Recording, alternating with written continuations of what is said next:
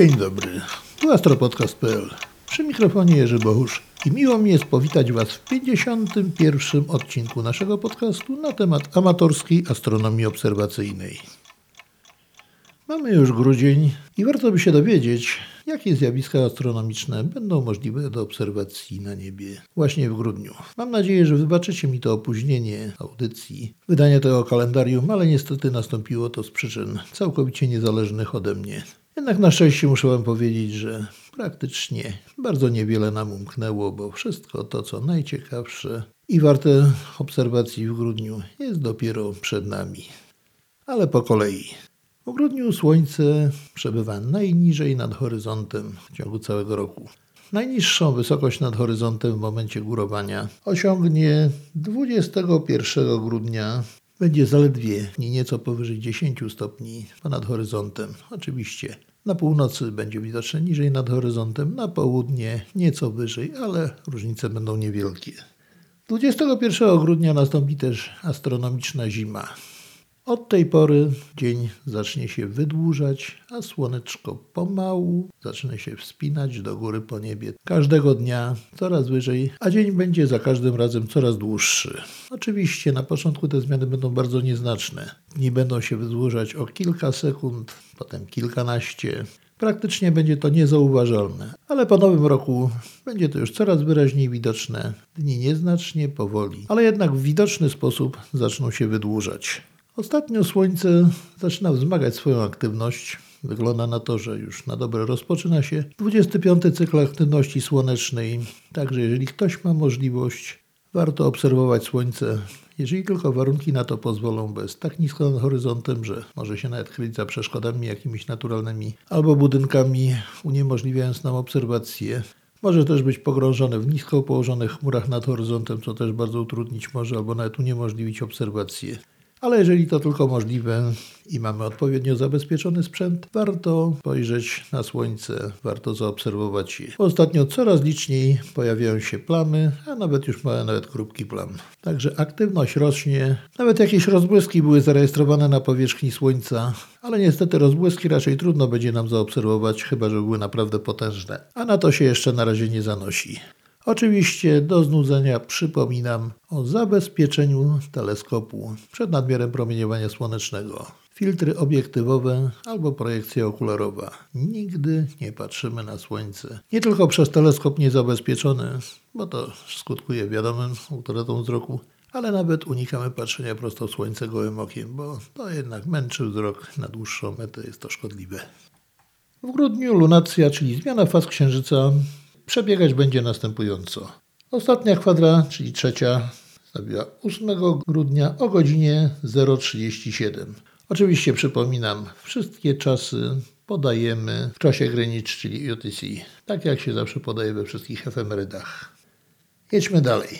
12 grudnia księżyc znajdzie się w Perigeum i jeszcze jedno ciekawe zjawisko zajdzie, do czego zaraz wrócę. 14 grudnia o godzinie 18.47 Nastąpi nów księżyca i tutaj będą jeszcze przy okazji parę ciekawych zjawisk, które kolejno omówię w dalszej części tej audycji. Pierwsza kwadra nastąpi 21 grudnia o godzinie 23.41, 24 grudnia o 16.33 księżyc będzie w apogeum, czyli najdalej od Ziemi, a 30 grudnia o 3.28 nastąpi pełnia księżyca czyli Sylwester będzie przy blasku księżyca, przy pełni księżyca. I jak zawsze w swojej odwiecznej wędrówce po niebie, w pobliżu ekliptyki, księżyc mija poszczególne planety. I tak, 12 grudnia o godzinie 20.40 księżyc, który będzie jednocześnie w tym czasie w Perigeum, czyli najbliżej Ziemi, jak już wspominałem, będzie mijał planetę Wenus. Planeta będzie na południe od Księżyca w odległości zaledwie 0,8 stopnia, czyli nieco więcej niż średnica Księżyca. Będzie to bardzo bliskie spotkanie, jednak czas tego zjawiska jest dla nas bardzo niekorzystny, ponieważ o 20.40, czyli naszego czasu będzie to 21.40, zarówno Słońce, Księżyc, jak i Wenus będą pod horyzontem, czyli u nas po prostu to zjawisko będzie nieobserwowalne. Z kolei 14 grudnia o godzinie 9.54 nastąpi zakrycie Merkurego przez Księżyc. Bardzo ciekawe, rzadko obserwowane zjawisko. Niestety będzie bardzo trudne do zaobserwowania. Będzie to zakrycie dzienne. Na czym polega trudność? Przede wszystkim na tym, że księżyc praktycznie będzie w nowiu. Będzie niewidoczny na tle nieba. Jeżeli będą idealne warunki, będzie idealnie przejrzyste niebo, na co raczej trudno liczyć, bo księżyc w tym czasie będzie bardzo nisko nad horyzontem. Jak sprawdzałem u mnie w obserwatorium mniej więcej jakieś około 13 stopni zaledwie, więc w tym rejonie nieba jeszcze na tej wysokości gromadzą się wszelkie zanieczyszczenia atmosferyczne, zamglenia, zapylenia, jakaś wilgoć. Także raczej trudno będzie liczyć na to, że będzie idealnie czyste niebo w tym dniu, ale możemy zaczekać się przekonać obserwacyjnie. Gdyby było idealnie czyste niebo, widok byłby przepiękny. Księżyca nie byłoby widać, nawet światła popielatego, ponieważ w dzień światło rozproszone w atmosferze przytłumiłoby światło popielate, także byłoby niewidoczne. Jedyne, co można byłoby zobaczyć, to patrząc tak wprost, jak przez lornetkę albo gołym okiem, po lewej stronie księżyca byłby taki cieniutki łuk, nawet nie sierp księżyca, taka jakby kreska namalowana żółtą kredką na niebieskim tle, taką żółto-pomarańczową. To byłby widoczny skraj, ten lip księżyca, który byłby w tym momencie praktycznie tuż przed nowym. Bo księżyc w tym momencie będzie się znajdował jakieś kilka stopni zaledwie, dosłownie o 5-6 swoich średnic od tarczy słonecznej, czyli bardzo bliziutko. Więc jakkolwiek będą na to nie patrzeć, niebo będzie bardzo rozjaśnione. I patrząc tak jak na wprost, nie przez teleskop, od lewej strony do tego małego żółtego łuczku zbliżałaby się kropka. Jeżeli przez większy teleskop byśmy patrzyli, taki z pryzmatem Amiciego, czyli pokazujący tak samo na wprost, jakby to było widać gołym okiem, to od lewej strony do Księżyca pomalutku zbliżałaby się tarcza Merkurego. Jakby się udało, warto złapać moment pierwszego kontaktu, czyli zetknięcie się krawędzi Merkurego z krawędzią Księżyca, prześledzić jak długo będzie znikała ta tarcza i złapać moment, kiedy całkowicie schowa się za krawędzią Księżyca. Zniknie nam z pola widzenia. O godzinie 11.19 nastąpi odkrycie, czyli księżyc minie Merkurego. Najpierw pojawi się taki maleńki fragmencik różowawy planety. Potem coraz bardziej będzie się wyłaniać, aż w końcu dojdzie tylko do momentu zetknięcia się krawędzi, czyli limbu Merkurego z limbem Księżyca, a później Merkury odklei się od Księżyca i będzie stopniowo oddalał się od niego. Oczywiście, jeżeli będziemy patrzyli przez teleskop astronomiczny, taki typu Newtona, bez pryzmatu Amiciego, to wszystko będzie odwrócone do góry nogami, że tak powiem, czyli o 180 stopni. I oczywiście Merkury będzie się zbliżał prawej strony do lewej, do Księżyca. Ale zjawisko będzie przebiegać tak samo, tak samo czasy można wyłapać. Na czym polega cały problem? Otóż najgorszą rzeczą jest to, że Słońce będzie bardzo blisko. Naprawdę blisko, będzie niebezpiecznie blisko po prostu. Dla niewprawnego obserwatora drgnięcie teleskopu jakieś w niewłaściwą stronę i słoneczko wchodzi nam w pole widzenia, daje prosto po oczy przez teleskop.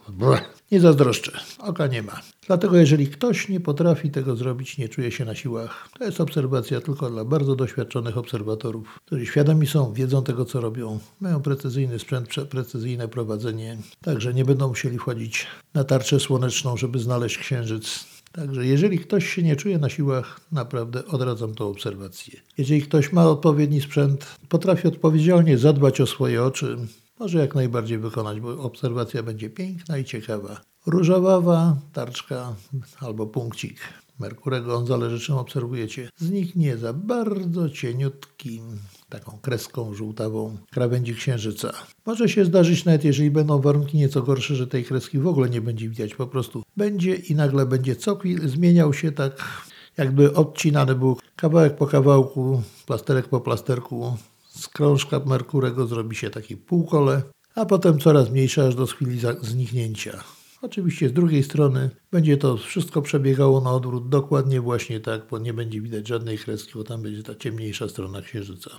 Ale jak mówię, wszystko zależy od pogody. Najprawdopodobniej się nie uda ze względu na zachmurzenie, tym bardziej, że pogoda naprawdę nas nie rozpieszcza ostatnio. Przez wiele dni nie było żadnych możliwości obserwacji albo zachmurzenie, jak czasami deszcz, dzisiaj nawet deszcz ze śniegiem marznący, a od paru dni, aż do tej pory, wieje bardzo silny wiatr, który będzie trząsł teleskopem, jeszcze utrudniał obserwacje.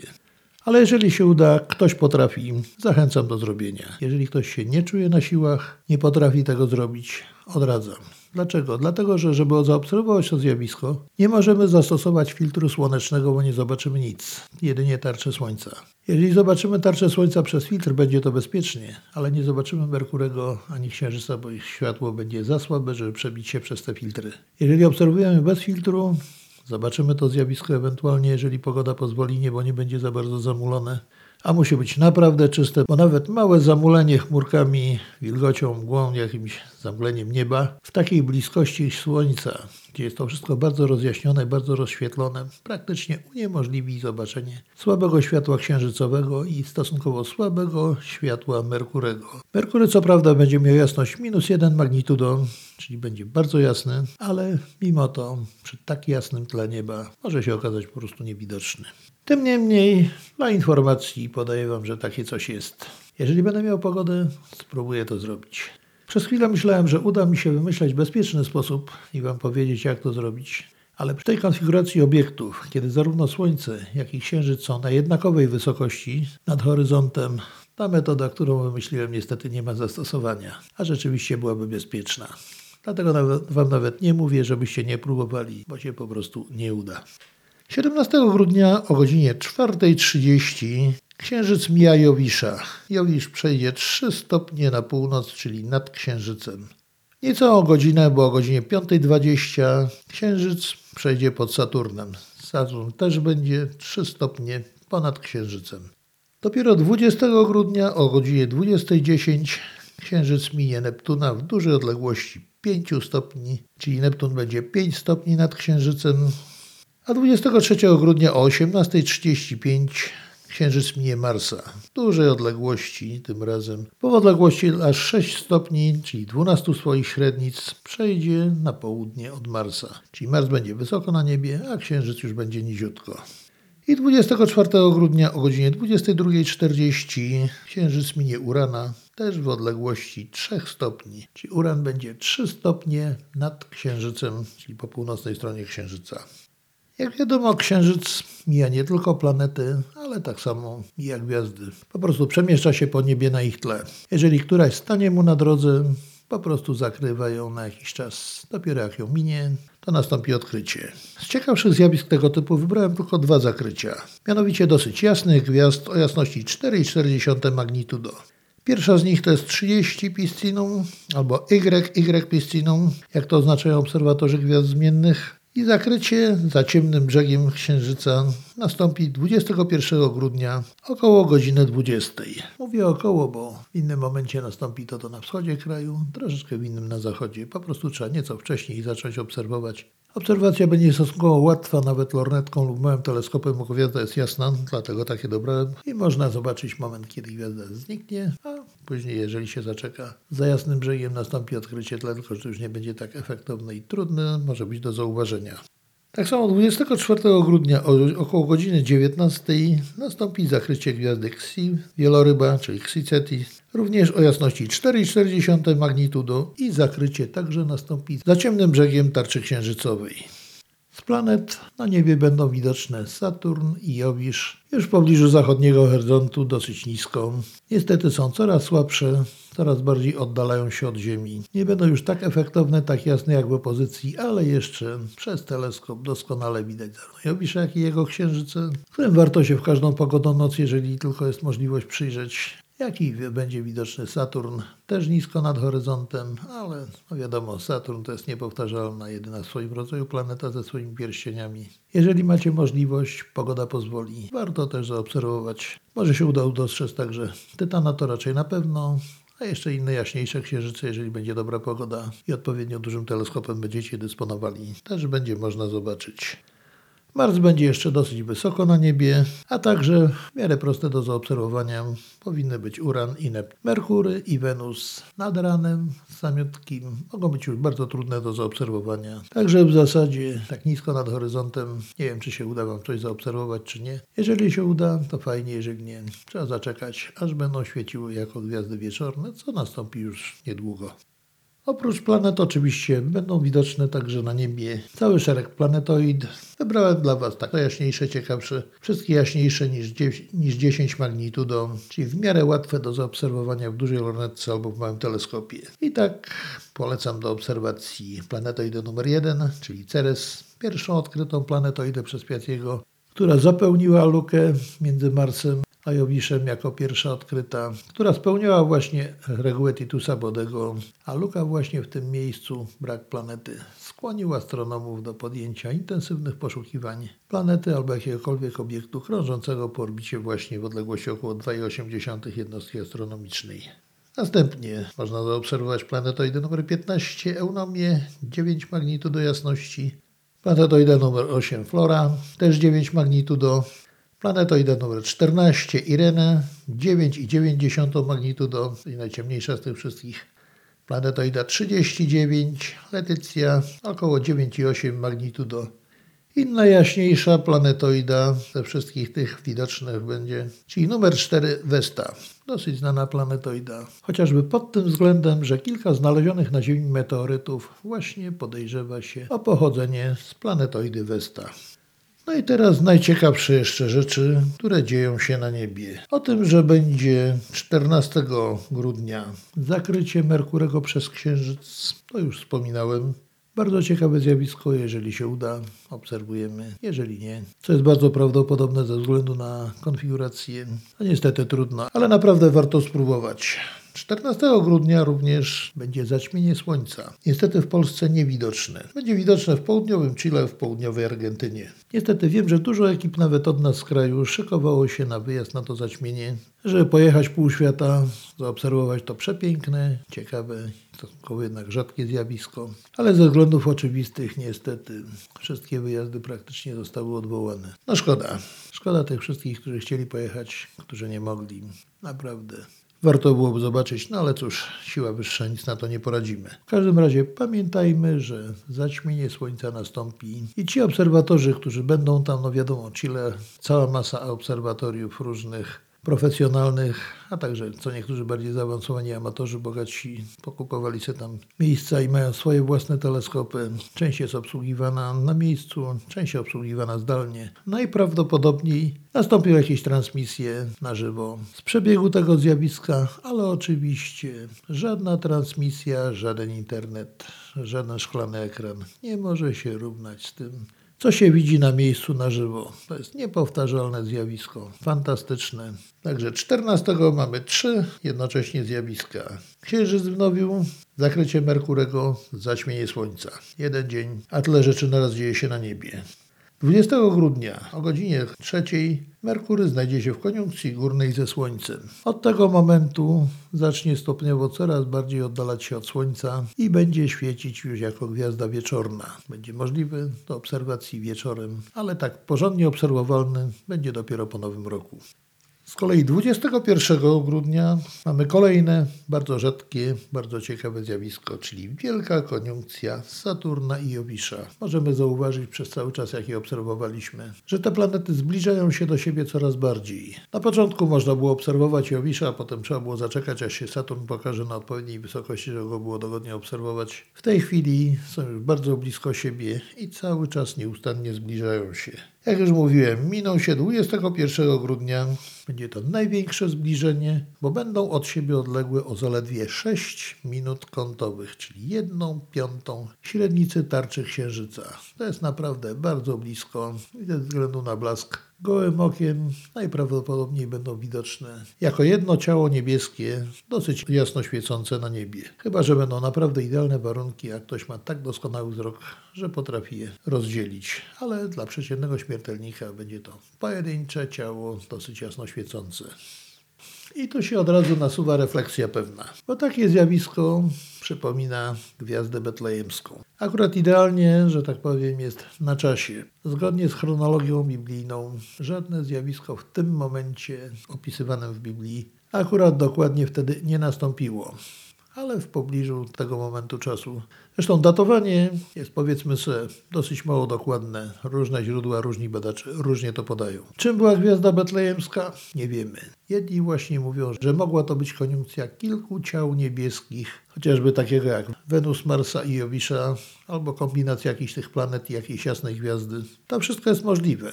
Oczywiście możliwe jest także, że zjawisko to nie zaszło we właściwym momencie opisywanym przez biblistę, tylko że gdzieś tam kiedyś ktoś widział, przekazał tą wiadomość i w ten sposób po prostu tradycja Kościoła, tradycja biblijna przekazała nam gwiazdę betlejemską. Mogła to być równie dobrze kometa. Dla mnie pasuje najbardziej do tego wydarzenia kometa Haleja, tym bardziej, że powiedzmy sobie szczerze, gwiazda betlejemska w ostatnich czasach, faktycznie odkąd pamiętam, z tego co wszystko wiem, ukazywana jest właśnie w postaci gwiazdy z warkoczem, czyli ewidentnie jako kometa.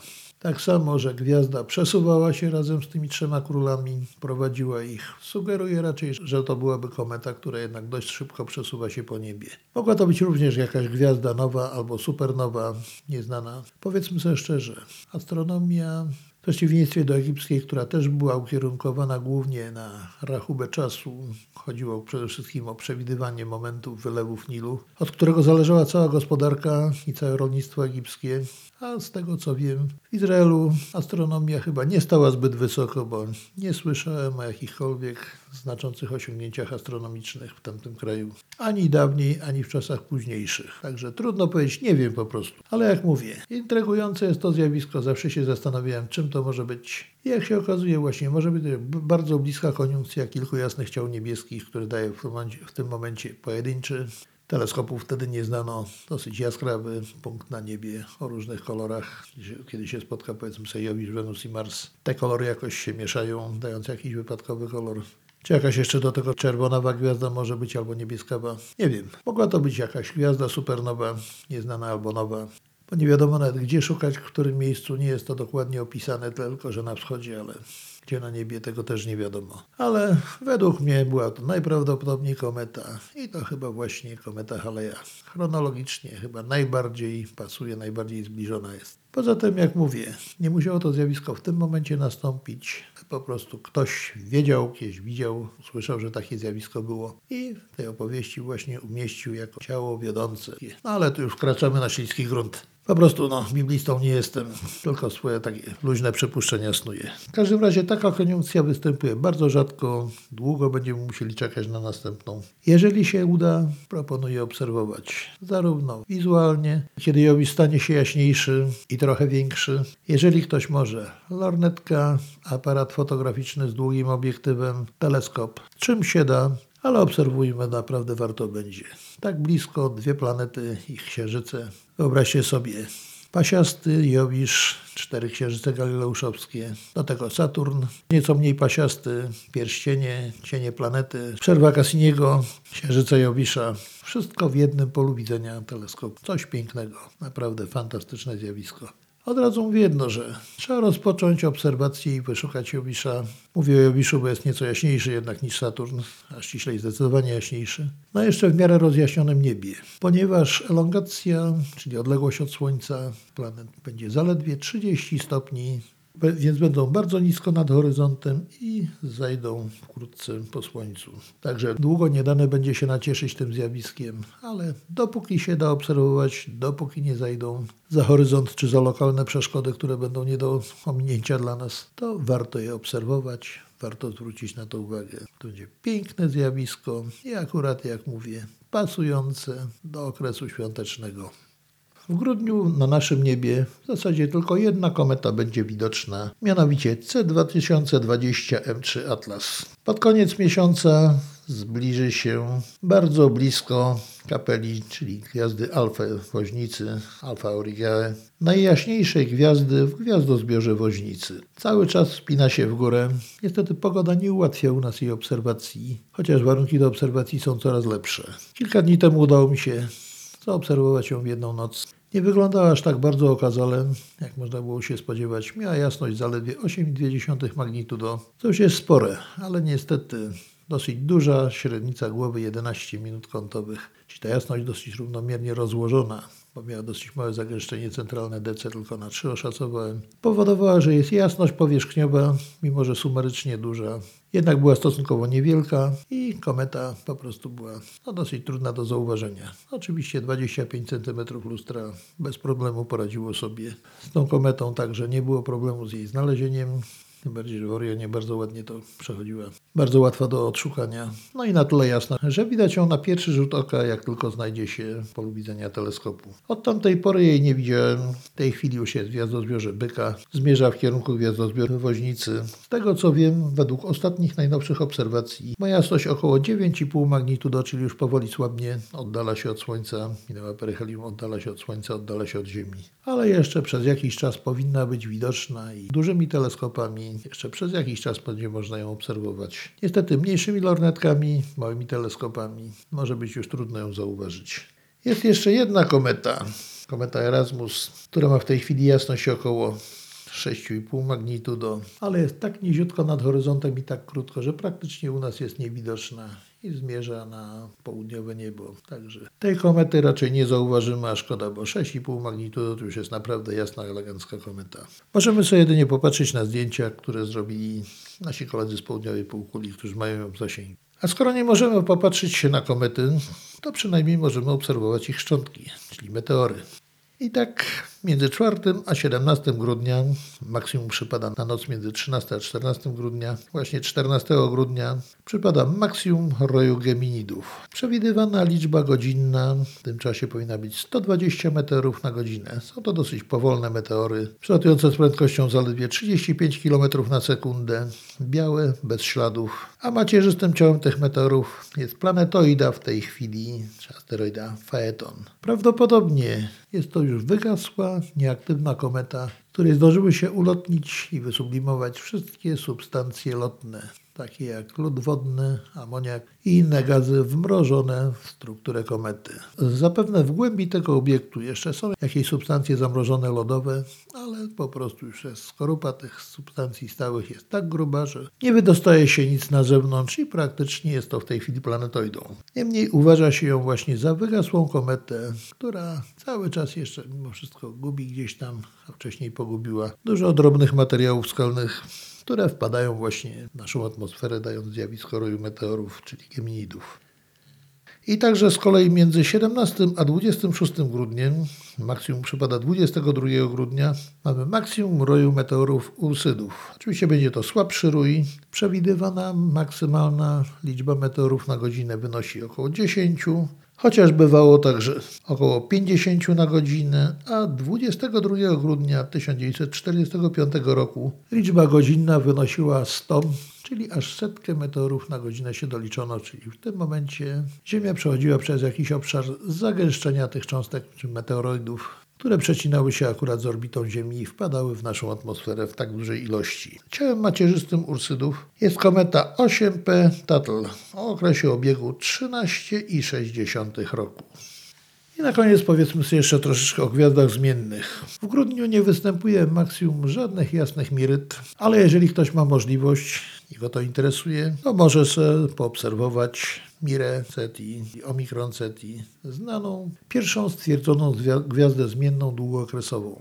Kiedy nie znano jeszcze zmienności gwiazd, początkowo brano ją za gwiazdę nową, odkrywaną za każdym razem na nowo. Dopiero Fabricius w wyniku długotrwałych obserwacji stwierdził, że jest to ta sama gwiazda, która rozbłyskuje, rozjaśnia się, osiąga maksimum jasności, nawet poniżej 3 magnitudo.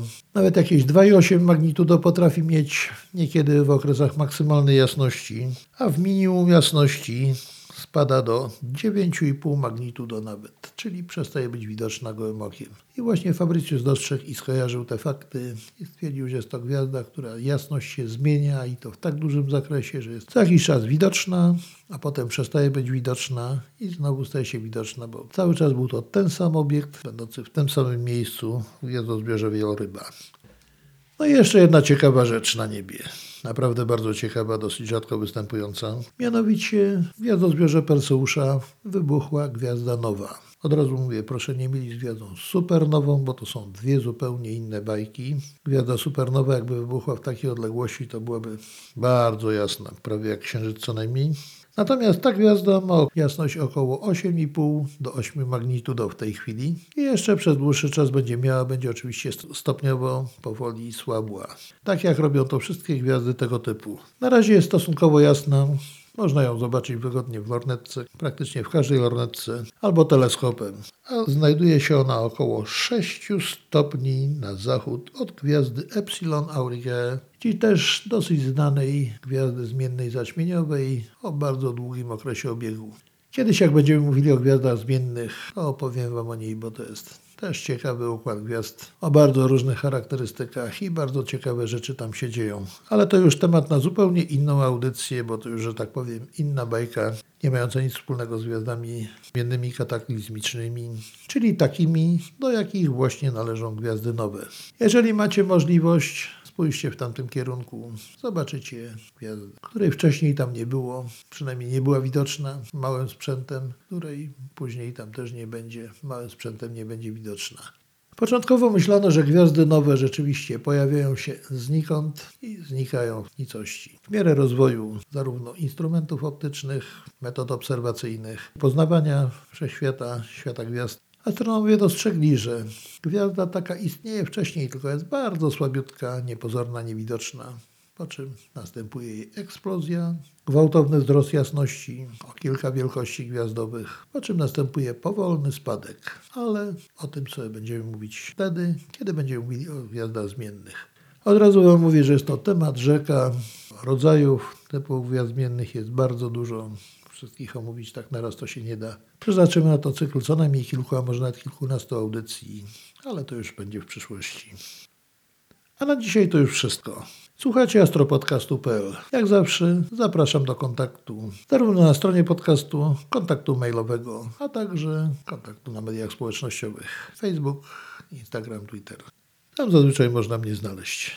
A dzisiaj żegnam się już z Wami a wszystkim obserwatorom życzę czystego nieba i udanych obserwacji. Do usłyszenia w następnym odcinku.